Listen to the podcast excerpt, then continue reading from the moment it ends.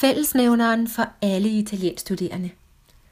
I de små ni år, jeg efterhånden har undervist voksne italiensk, har jeg bemærket én fællesnævner, som gør mig ubeskrivelig glad. Det bevidste tilvalg af glæde, nydelse og lykke. Italien er en skattekiste af interesseområder, der gør folk glade. Kærligheden til sproget, til maden og vinen, kunsten, naturen og musikken. Italien og italiensk svøber mennesket i skønhed og nydelse, og bidrager med det drøs eller dolce vita, som gør livet så godt. Med beslutningen om at starte til italiensk ligger for de fleste også beslutningen om, at livet skal være godt.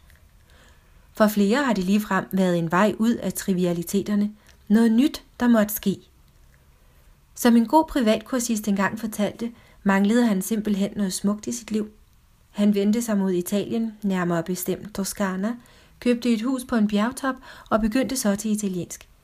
En anden havde været ked af det et stykke tid og vidste, at han måtte gøre noget godt for sig selv for at få glæden tilbage. Det blev til et ophold på en sprogskole i Rom og efterfølgende ugenlig undervisning hos mig. Andre igen har fundet kærligheden i Italien og tilegner sig kærestens sprog som den nødvendige nøgle til at lære sin elskede bedre at kende. Kan man egentlig forestille sig noget mere romantisk? Så lige meget hvilken indgang man har til at lære italiensk, er det altid baseret på et forudgående hjertevalg. Og når voksne vælger noget til i deres liv, uden at skulle til eksamen, men bare for at lære og leve og nyde imens, opstår der nogle ret fantastiske møder, som jeg som underviser er så privilegeret at være vidne til.